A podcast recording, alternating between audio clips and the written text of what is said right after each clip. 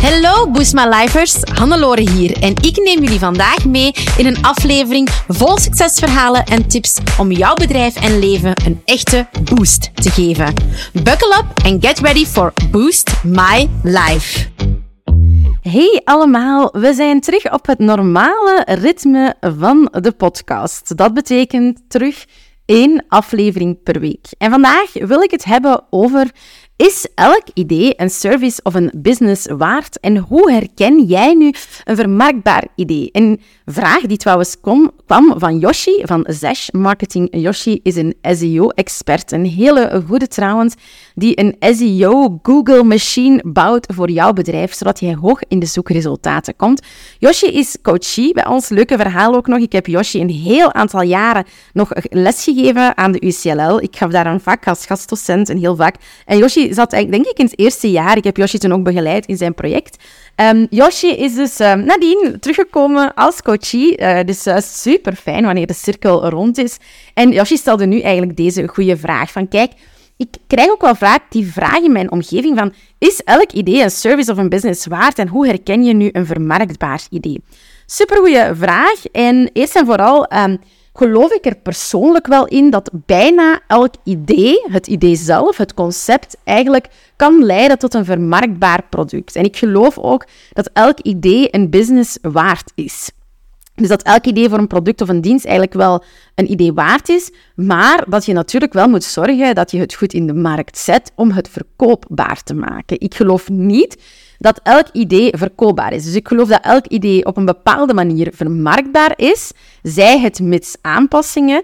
Um, en dat je het wel verkoopbaar moet maken. Dus daar wil ik al mee starten.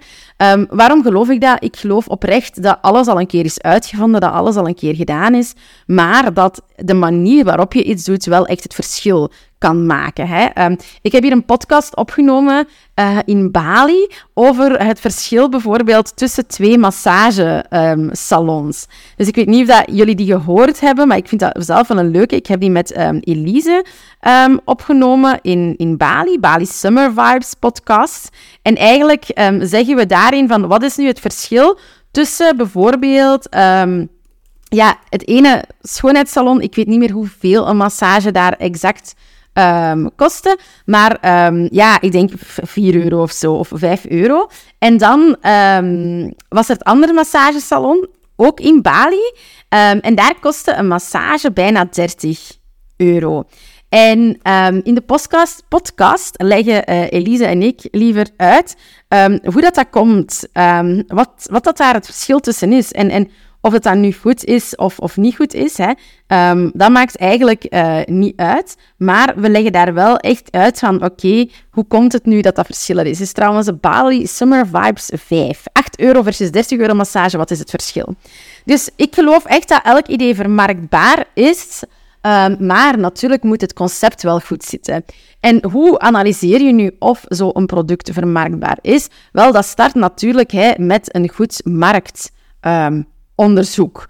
Um, dat is echt wel stap, stap 1 dat ik aan iedereen kan gaan aanraden van kijk, doe een marktonderzoek. En een marktonderzoek, dat doe je dus niet alleen gewoon op de huidige markt. Hè, maar je ga je eigenlijk gaan kijken van oké, dit idee, zijn, zijn er hier al um, ideeën die in de wereld bestaan? Hè? Um, je kan dat heel makkelijk vandaag, zeker in Bing, opzoeken, want je kan met Bing chatten. Dus je kan aan Bing zeggen van, kijk, dit is mijn idee. Zoek eens op of er al bedrijven zijn die iets gelijkaardig um, doen. Hoe, um, hoe dat zij dat doen, waar dat zij zitten, um, hoe dat zij zich positioneren, waar zij zich op richten. Dat is eigenlijk vraag 1. Ten tweede is het wel interessant in jouw marktonderzoek om dan eens te gaan nadenken, ja, wie is mijn ideale klant bijvoorbeeld? Hè? is dat een, een B2C-klant, een B2B-klant, wie is dat? En om dan eigenlijk een keer in gesprek te gaan met die ideale klant. Dat kan je doen via een vragenlijst, als je heel veel mensen wilt bevragen. Maar je kan ook gewoon vragen aan een aantal mensen van, kijk, mag ik eens met jou samenzitten om jou een aantal vragen te stellen, individueel, of dat kan ook zeker in een focusgroep. Wij hebben bijvoorbeeld een tijdje een idee gehad voor een bepaald product en dan hebben we eigenlijk een focusgroep gedaan met onze doelgroep daar, starters of mensen met een um, idee. En um, dan bleek eigenlijk dat ons huidig product eigenlijk al goed genoeg was voor die mensen. Ehm, dus in gesprek gaan met mensen is super interessant. Dus dat marktonderzoek doen is echt super belangrijk. Dus bepaal gewoon heel goed wie is mijn doelgroep, wie is mijn ideale klant, welk probleem denk ik op te lossen en ga mensen eens gaan bevragen van kan ik dit probleem voor jou oplossen. dus um, wat, uit wat bestaat nu een marktonderzoek? Wel, stap 1 is echt je doelgroep definiëren. Ten tweede is gaan kijken van oké, wie is de markt? Hoe groot is de markt? Ga je ook cijfers over opzoeken. Hè? Hoeveel potentieel is er? Um, jouw klanten gaan bevragen, jouw concurrenten dan gaan analyseren en eigenlijk op die manier hè, daarmee aan de slag gaan. Dat is natuurlijk een belangrijke. Dus eerst en vooral moeten we natuurlijk zorgen dat we marktonderzoek doen, dat we de markt inschatten. Hoe kan je dan nog nagaan of een idee natuurlijk vermarktbaar is of verkoopbaar is? Wel, we moeten ook gaan kijken naar het concept, het idee. Is dat schaalbaar? Is dat een concept dat schaalbaar is en is dat een winstgevend concept? En vanaf wanneer is dat concept winstgevend? Wat zijn de scenario's? Wat heb ik daarvoor nodig? Dat is eigenlijk stap 2. Want een concept dat niet echt schaalbaar is, of dat nog niet echt winstgevend is, ja, dat moeten we dan zo snel mogelijk gaan schaalbaar maken. En dat kan natuurlijk. Hè. Elk idee is schaalbaar. Dat vraagt soms wat out of the box denken, wat herpositioneren. Dan is natuurlijk de vraag, hoe uitvoerbaar is jouw idee of dienst of product? Wat heb je daarvoor nodig? Hè? En heb je daar voldoende kennis voor? Heb je daar voldoende expertise voor? Heb je nood aan externe kennis? Heb je nood aan bepaalde juridische zaken? Zijn er daar zaken waar je rekening mee moet houden? En ik denk, als je dat allemaal oplijst, dan is het zeker niet de bedoeling om jou af te schrikken, maar hè, dan is het belangrijk om een goed businessplan te gaan maken en om echte cijfers te gaan berekenen. Om echt te gaan kijken naar mijn idee en mijn dienst. Ja, hoeveel moet ik er verkopen? Aan welke prijs kan ik dat verkopen? En wat zijn mijn scenario's? Vanaf wanneer draai ik break-even? Vanaf wanneer ben ik winstgevend? Ik dat dat super belangrijk is en dat dat een stap is die heel vaak wordt overgeslaan. Om echt ja, dat scenario-denken te gaan toepassen. En dan te gaan kijken, ja, in de huidige vorm, kan het of kan het niet? En als blijkt dat jouw idee voor een service of een dienst op dat moment nog niet winstgevend is, of dat het weinig potentieel heeft, ja, dan moeten we het idee gaan tweaken. Dan moet het idee worden aangepast. En ik ben er echt van overtuigd dat in elk idee iets zit, het concept erachter, het probleem dat je oplost, de uitdaging dat je aangaat, dat je dat wel altijd op een manier op de markt kan brengen. En dat zijn de projecten die ik zelf super leuk vind om te begeleiden bij coaches. Om eigenlijk van een heel ruw idee tot een afgewerkt product te komen, maar een afgewerkt product dat future-proof is, dat schaalbaar is, dat winstgevend is, dat uitvoerbaar is, waarbij er een plan van aanpak is van hoe gaan we dat hier aanpakken, hoe gaan we dat in de markt zetten, wat is onze strategie, wat zijn onze scenario's, wat als het niet lukt, hoe kunnen we dan pivoteren en bijsturen, kunnen we al een scenario 1, 2, 3, 4, 5 maken en eigenlijk weten wat we in elk geval gaan doen. En als je dat volgt, dan ben ik er dus echt rotsvast van overtuigd dat ja, zo goed als elk idee wel degelijk vermarktbaar is. En um, dat zo goed als elk idee wel degelijk dat potentieel heeft. En ik denk dat dat um, heel, heel interessant is om mee aan de slag te gaan, zelf ook. En om ja, die ideeën gewoon vorm te beginnen geven en daarin te tweaken.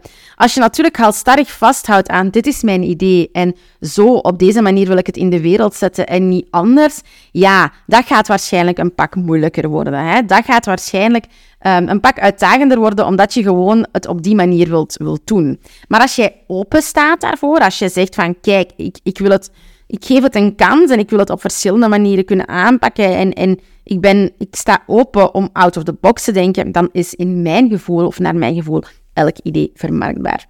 Dus voilà, ik hoop dat je het interessant vond om mijn visie daarop te horen. Um, ik heb het heel kort aangepakt, hè, maar de stapjes zijn dus echt wel van goed analyseren. Wat zit er in mijn idee? Wat is eigenlijk de kern van mijn idee? Hè? Um, moet het, want je hebt natuurlijk het idee zelf en je hebt de vorm. Hè?